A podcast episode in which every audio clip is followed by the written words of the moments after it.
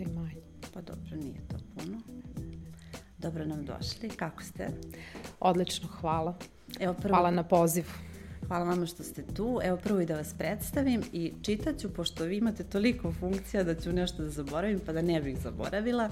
Biljana Bogovac ima više od 20 godina profesionalnog iskustva, stečenog kroz poslove i rad i sa domaćim i sa stranim klijentima. Dugo godina je radila u Australiji i vodila je tamo timove u pružanju revizorskih, ali i usluga savjetovanja klijenata. Ona je član instituta ovlašćenih računovođa u Australiji, ali i ovlašćeni revizor na našim prostorima, nešto ćemo kasnije o tome pričati šta to tačno znači. Član je upravnog odbora Srpske asocijacije menadžera i partner u sektoru za reviziju e, PwC kancelarije u Beogradu. Ona danas živi u Srbiji i majka je troje dece. Da li sam nešto zaboravila? To je to. Mislim, za početak dovoljno. to je to za početak, ali hajde i za, za baš početak da objasnimo šta je revizor. E, znam da često, pa i moje kolege miješaju taj pojam i možda ga malo drugačije tumačimo nego što bi trebalo. Da, ovaj, još jednom hvala na pozivu. Um, da, revizor je dosta onako i u opšte, uopšte prihvaćen pojam i ljudi misle da znaju šta je revizor i vrlo često se u interpretaciji u stvari shvati da je to možda pogrešna, pogrešna percepcija. Dakle, mi se bavimo proverom um, uh, finansijskih izveštaja i proveravamo tačnost, objektivnost tih podataka i, i, to, i, i tome slično, ali do određenog nivo, nivoa razumnog proveravanja koliko je moguće proveriti. Dakle, nikad 100% i tako dalje. I vrlo često ljudi to mešaju sa odgovornosti za kvalitet finansijskog izveštaja. Um, odgovornost naša nije u tom smislu, naša odgovornost da damo mišljenje na to. Dakle, I da ko, ukažete na sve Tako da, eto, da, ljudi vrlo često to mešaju. Mi smo u većini slučajeva se trudimo da budemo i savetodavni ovaj, za naše klijente, ali sve, da kažem, u nekim granicama dozvoljenog jer je nezavisnost e, jedno od najvažnijih načela revizije, tako da ne možemo da savjetujemo klijente za stvari koje ćemo mi posle proveravati, tako da eto. Dobra definicija, dobro, sviđa mi se. E, pošto mi u podcastu dosta govorimo o tome kako se osjećamo dok radimo i možda i važnije zapravo taj, taj balans, jer na kraju ako, ako se dobro ne osjećamo na svom poslu, nismo dobri ni za svog poslodavca, ni za sami sebe. E, I u tom smislu, eto, vi ste radili toliko godina na drugom kontinentu, pa zanima me kako je biti radnik tamo, a kako ovde? Mi malo ispričate o tom radu u Australiji. Pa znate kako, ja sam radila u Australiji do, dugi niz godina, ali je to bilo dosta davno, ali ovaj, eh, ono što, što je ključno u svemu jeste, jesu šanse i ta fluidnost eh, u smislu poslodavaca koji praktično se bore za, za, za radnike i mogućnosti koje kao zaposleni imate na tržištu, mislim da je u trenutku kad sam ja tamo bila to bilo puno, puno, ovaj, puno više prilika za zaposlene da biraju. Međutim, ovaj, ono što je, što je ključna razlika jeste, ja mislim da tamo uh, se poslodavac i u ono vreme kad sam ja tamo radila dosta bavio uh, zaposlenim u smislu da li je on zadovoljan i koliko je on srećan sa tim što mu je dato i uvek se pričalo o tome pravi čovek na pravom mestu. E, dakle, e, i kad, da. jeste, i kad se zaposli na određenu poziciju, uvek se razmišlja, pa dobro, ako nije za to, možda bi trebalo da ga pomerimo na neko drugo radno mesto. I to je dosta onako fleksibilno i fluidno i to je to je nešto što sam ja tamo ovaj, bila sve dok toga. O kom periodu toga. govorimo? To je bilo pre koliko? Ovaj? E, pa to je bilo, dakle, ja sam se 2004. godine ovaj, vratila ovde, dakle, u tom nekom periodu, 10 godina, 95. do 2005. sam praktično tamo radila i studirala sam tamo pre toga, tako da ovaj, živala sam dosta, dosta dugo tamo, ali tamo je, na primer, tržište rada već tada bilo u fazi u kojoj je možda trenutno sad ovde. I ko, mi koji pokušavamo da prepišemo te neke prakse i vidim to po kompanijama koje ovde rade, naročito njihove filijale i kancelarije, pa možda i one donose tu praksu da konačno radnika da. stavljaju na prvo mesto i da se malo više gledaju neki drugi benefiti osim Absolut. plate. To sada postaje prioritet i na svim agentama.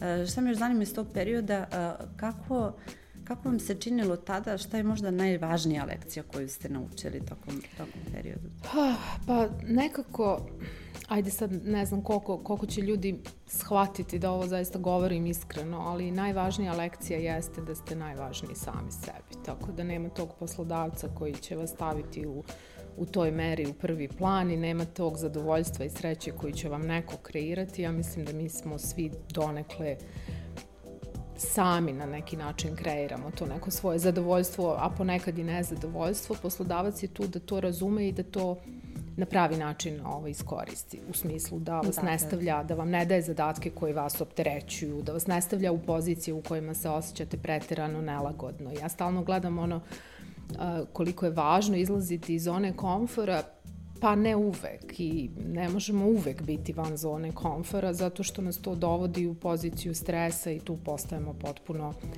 kako bih rekla, i nekorisni i, i ovaj, štetimo i sebi i drugima. Tako Jasne. da neka mera u tom smislu je neophodna. I ono što se ovde često dešava da to shvatimo baš kada dođe do krajnjih granica i kada više ne možemo ni, ni da kontrolišemo. A kada je reč o samim njihovim poslodavcima, e, vi ste dosta, dosta radili na, na savjetovanju klijenata na tamošnjem tržištu. Šta su bili njihovi problemi? Sada kada vas slušam vidim koliko je zapravo razlike još tada bilo. Šta su im bili tada naj, najveći problem? Zašto su vam tražili savet? Pa znate kako, oni su imali problem lojalnosti već tada i već tada je bilo, dosta su ljudi slobodno se kretali po tržištu rada i napuštali Australiju. Ja se sećam perioda gde je bilo osnovni motiv poslodavaca da zadrži ljude da ne odu svi na sekondment u London i negde u Evropu i tako dalje. Tako dakle, da, njima je to da, cilj da... bilo, da... bilo im je već tada onako kako da na neki način a, budu dovoljno interesantni i privlačni za svoje zaposlene da ih ne napuste i tad je ta migracija bila dosta, dosta izražena, verujem i sad. Evo, na primjer, sad, sada je tamo u toku su teniski mečevi, pratimo to uh -huh. uh, u Melbourneu, ali na primjer isto kažu da, da kod njih ljudi se sele iz gradova, počinju i oni uh -huh. da, da, da više ne percip, per, percipiraju gradove kao mesto poželjno za život. I takođe što mi je zanimljivo to kad, kako su oni tada videli tu migraciju u smislu da danas kompanije imaju taj problem ovde da počinju da gledaju kako da zadrže radnika i da su zapravo radnici obrnuli tu igricu, da su sada oni ti koji diktiraju pravila. Pretpostavljam da imamo to zanimljivo posle toliko iskustva da gledate kako to izgleda i ovde i zato me zanima kako vi gledate na naše tržište sada, kako vam ono izgleda. Pa kao što rekoh, ja te neke stvari koje se sada kod nas dešavaju sam um, onomad već imala neko iskustvo sa njima tada. Nešto mi je prirodno, uh, dosta je sve prisutno, dakle globalni jedan trend i naše tržište rada, kako, ja, kako ga ja u ovom trenutku vidim, jeste da je potpuno otvoreno i da sada zaista um, zaposleni radnici imaju poziciju da biraju. I druga je priča, drugi su, mhm. da kažem, pravila ponašanja kada vi kao poslodavac u stvari i nemate mogućnost da birate zaposlene, nego morate da sami na neki način prilagodite sve ono što je vama potrebno, onome šta je dostupno na tržištu. To s jedne strane. A s druge strane postoje sad neki novi trendovi koji možda nisu postojali mhm. pre, a to je fleksibilno fleksibilno ovaj, dolaženje na posao i da li je čovek fizički neophodan. I tako rada, je. Da. Tako je. Modeli rada su potpuno drugačiji, tako da donekle to još uvek ostavlja mogućnost da se na neki način i poslodavac eh, opredeli za određeni model koji njemu odgovara. Mislim da, mislim da je osvešćenost e, mlađih e, ovaj, ljudi i njihova pozicija na tržištu do te mere dovela u pitanje uopšte potrebe da imate stalnu radnu snagu. Dobro, to sad ja malo pričam onako u nekom da. ekstremu, ali, ali se zaista postavlja pitanje da li je neophodno da se na tome insistira i da li je to vrednost koju moramo da tražimo u sve. Pa da, u vreme kada pričamo da li su nam uopšte potrebne kancelarije, ako jesu, kakve moraju da budu, kakve bi trebalo, yes. radnim drugačiji modeli su sasvim izvesno tu da, tu da ostanu. A ko su onda ljudi koji odlučuju da odu sa ovog tržišta rada? Kako donose odluke ili da li ste imali priliku da već uvidite neki trend? Pa, evo ja iskreno, uh, možda ima delim, delim te ljude u dve kategorije. To su mladi ljudi koji nisu još nekako porodično vezani, nemaju neke ovaj, prosto žele da probaju nove, drugačije stvari i čini im se da je to faza života u kojoj je to pravo vreme da se ode i nešto proba van Srbije. I druga kategorija su ljudi koji su već imaju porodicu i decu koji obično vam kažu da žele bolji život za svoju decu i ne žele da im deca odrastaju ovde. Tako da su to ljudi koji su na neki način e, odlučili da imaju potpuno drugačiji život. Jasno. I to je sad ovaj, upitno ovaj, kad se posmatra e, povratak ljudi iz inostranstva. E, bilo bi dobro recimo napraviti neku statistiku pa videti koji su sad to ti koji se vraćaju, ali ja imam osjećaj da ponovno, dakle, mladi koji su probali pa su shvatili da nije za njih i ovi drugi koji su eventualno odmerili sve te stvari koje su mislili da postoje negde drugo i nisu ih pronašli pa se vraćaju i naravno veliki, veliki broj onih koji se ne odluče mm, vratiti. Da, i, i digresija, jedno istraživanje koje ja pratim, a tiče se tačke povratka na koje i naša mm -hmm. vlada radi, dosta se govori o tome da se zapravo vraćaju oni koji su jednom nogom i tamo i ovam, mm -hmm. odnosno da imaju kapitala da rade tamo, mm -hmm. ali da i osnuju neku manju firmu ovde, pa onda da su na toj nekoj prekrednici kad baš nisu sigurni šta će i kuda, da. E, znam da se vi dosta u kompaniji bavite, ali i vi lično e, životnom sredinom kao i sve kompanije. Danas je to veoma važan, važan prioritet i dosta se govori o tome, pa s tim u vezi kako pomiriti profit na kraju i zaštitu životne sredine. Nekako svi to znamo i svi o tome dosta govorimo, ali kada pogledamo sve izveštaje, nekako nije nam najjasnije kako kompanije žele da se odreknu dela profita u tom smislu. Pa evo ja ću za početak da kažem da ne mislim da treba da se odriče neko profita da bi poslovao odgovorno. Ja smatram da možda onako malo vizionarski, ali smatram da postoji dovoljno prostora za to da se odgovorno ponašamo prema životnoj sredini, što znači odgovorno ponašanje prema ljudskom rodu, jer ta životna sredina i kvalitet našeg života nas određuje kao, kao vrstu, jel? u kakvoj sredini živimo, koliko dugo živimo, koliko kvalitetno živimo, od kojih bolesti bolujemo i tako dalje. Mislim da postoji prostor za to i mislim da firme uopšte nisu svesne da to malo nešto što učine u stvari može da doprinese jako mnogo, ali za to je potrebno um, da svi, da kažem, stanu iza tih nekih viših ciljeva i nije moguće da neko u nizu uh, mi smo svi toliko povezani firme i ne samo geografski, nego prosto um, ono što ja proizvodim je input za nekog drugog ili ja nisam krajnji korisnik onoga što mi se daje. Apsolutno. I mi ne možemo na, napravimo sistem uh, održivog poslovanja bez toga da svi učestvujemo u tome. Tako da po meni ne bih rekla da je odricanje profita, pronaž, pronalaženje rešenja koja su odgovarajuća za određeno poslovanje i određenu fazu u razvoju firme, da, ali da to baš nužno znači pa i na kratak rok odricanje profita ne nužno. Naravno, investicije su neophodne, ali opet kažem, to je radi nečega što je u, u krajnjoj liniji nama svima zajednički cilj. E, sad kad govorimo konkretno i o kompaniji PwC, znam i njihove izveštaje koje dosta govore o rodnoj ravnopravnosti. Vi ste bili uglavnom na vodećim pozicijama i uh, na drugim tržištima i ovde. Koliko se o tome vodi zaista računa? Koje je vaše iskustvo?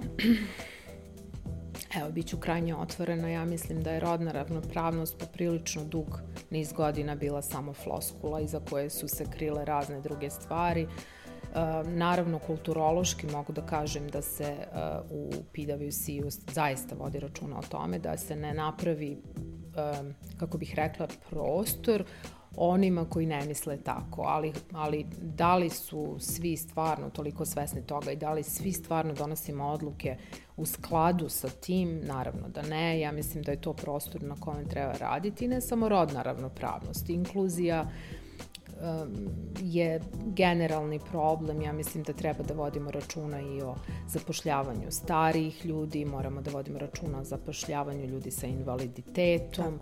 Ja smatram da je tu prostor za unapređenje za sve nas, uključujući i PwC jako veliki. Mi u, on, ono što je negde moj utisak jeste, obzirom da sam u tom poslovnom svetu u kome dominiraju muškarci, jeste da um, se žene ne trebaju fokusirati na to da imaju jednak, uh, kako bih rekla, ravnopravan, ravnopravan položaj. Ja mislim da žene treba da se izbore za to da su neke stvarima bolje od muškaraca i mislim da to stvarno, mislim da je ružno reći da želimo da budemo ravnopravne. Treba da budemo prepoznate, da smo bolje tamo gde jesmo bolje i da potpuno, da kažemo, igramo utakmicu kao ravnopravni članovi, ali to ne mora da znači da da sam ja na nekoj poziciji samo zato što sam žena, mislim da je to ružno i prema ženama. Da, da ne budete... i prema... Tako je. Tako da mislim, bežim od toga i kažem da mi je jako bitno da osim što ćemo se pohvaliti nekim pokazateljem koji kaže da ima 60% žena, ja bih volela da su sve te žene uh, podjednako dobro plaćene kao muškarci, a i želela bi da su to žene koje žele da budu na tim pozicijama. Jer šta znači procenat? E, na, na silu. Mislim, nekada tako je, tako možda i svedočimo nekim praksama gde vidimo da se uslovno da. rečeno guraju samo da. da bi obezbedili neku normu koliko procenata da. I onda to je to, po naravno... meni čak i ružnije od ovoga. Ja, ja, ja zaista ono, te, te neke, kako bih rekla, kvote i ostalo, mislim da je to toliko to nam ne ide u prilog nama ženama, ja mislim. Mi same treba da se A, svojim da. kvalitetom i radom izborimo za to i treba da budemo priznate u tom, u tom društvu koliko da god on... Da ne bude paradoks da, na kraju. Da, apsolutno. Uh, počeli smo da pričamo na početku o uspehu. Uh, E sad, da li možete da mi, da mi objedinite šta znači uh, strah od uspeha, a s druge strane koliko, nas, koliko je uspeh stresan u tom smislu, kako, kako, kako, koje faze imamo dok, dok smo na tom putu. Ja, da, imamo razne faze i uspeh nam je svima ono, različita stvar i pravo da vam kažem, ja sam po svojoj prirodi bila neko koji više ovaj, se plašio uspeha nego neuspeha. Nekako mi je i dolazim iz takve porodice, iz takve sredine gde su, ne znam, kako su vas učili, otprilike skromnost je bila najveća vrlina.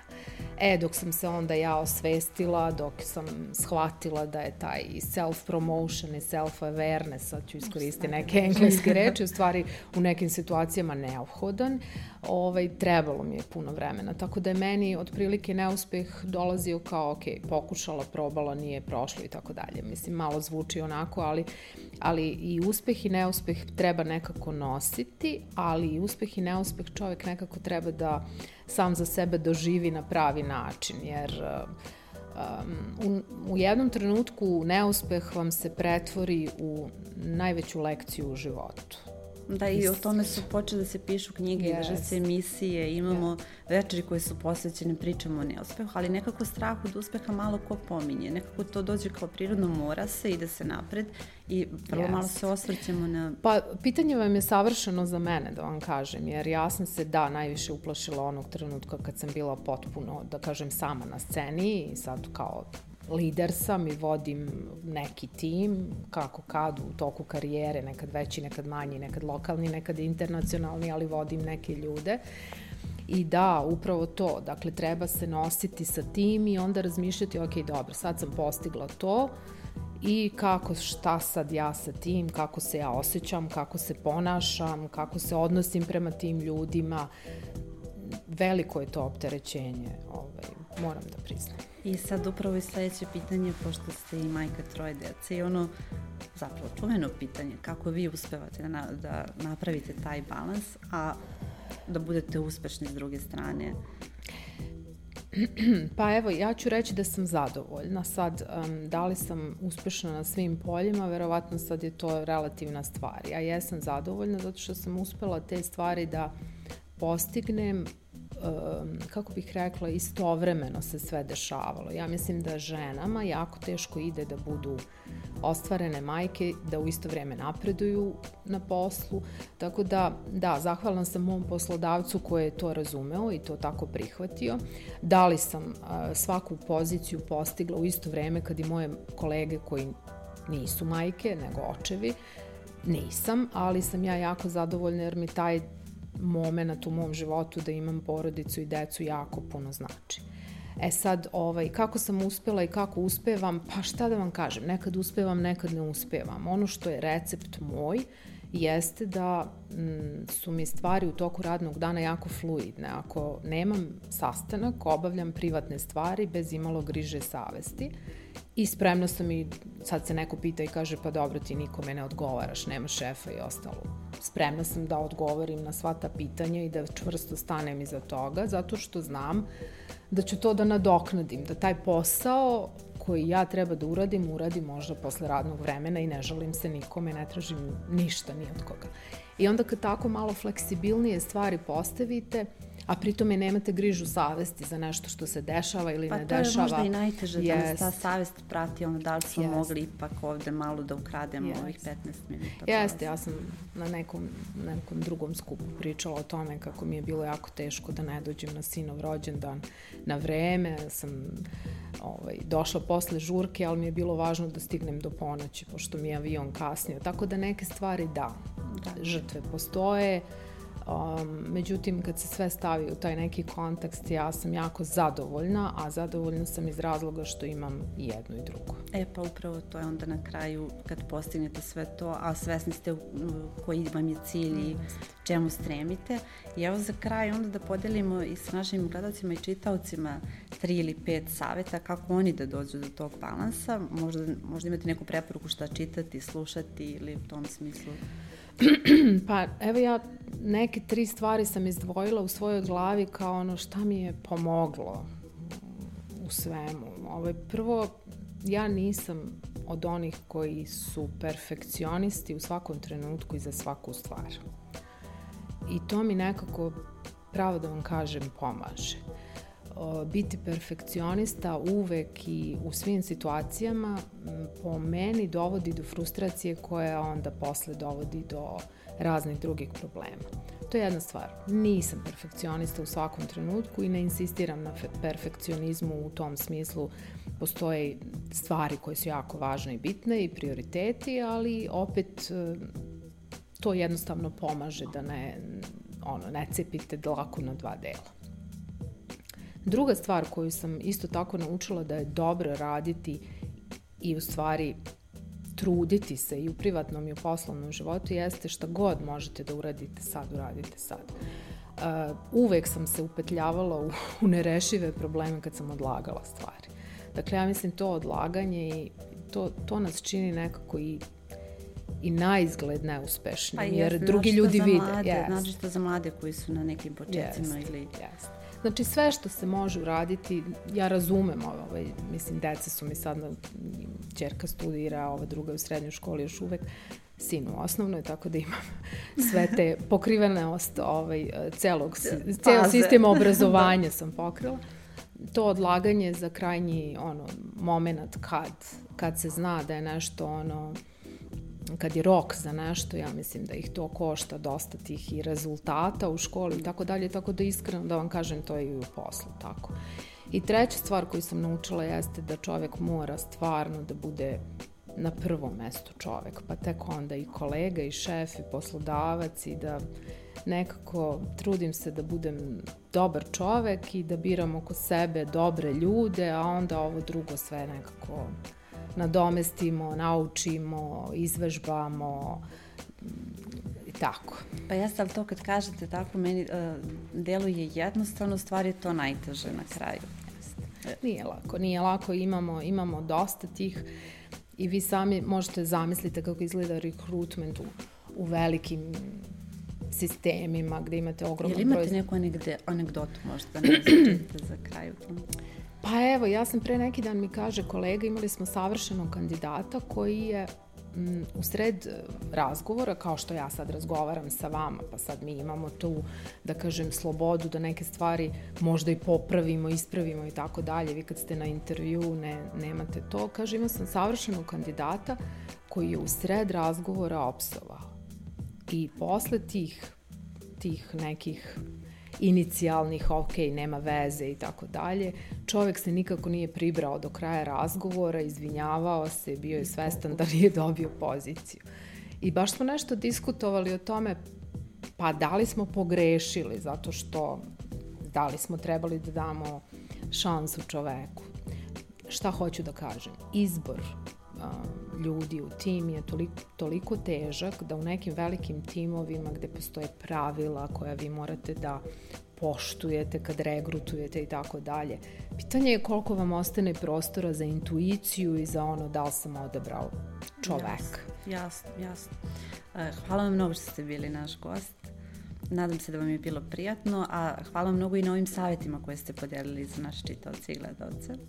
Hvala vama još jednom, bilo mi je zaista prijatno, opušteno i tu sam ako... Dođite nam da, opet. Hvala. A vi nas gledajte i sledeće nedelje, čitajte na Telegram biznisu, gledajte na Spotify, Apple, Google i svim platformama, mislim da sam ih sve navela. Hvala vam još jednom. A to ste upravo kad, kad ste rekli za, za tu intuiciju, jer moguće da tako pokazuje da ne može zapravo se kontroliše, da mu je to možda neka stavka koja... Naravno, naravno. Teško je proceniti koliko to stvari značajno.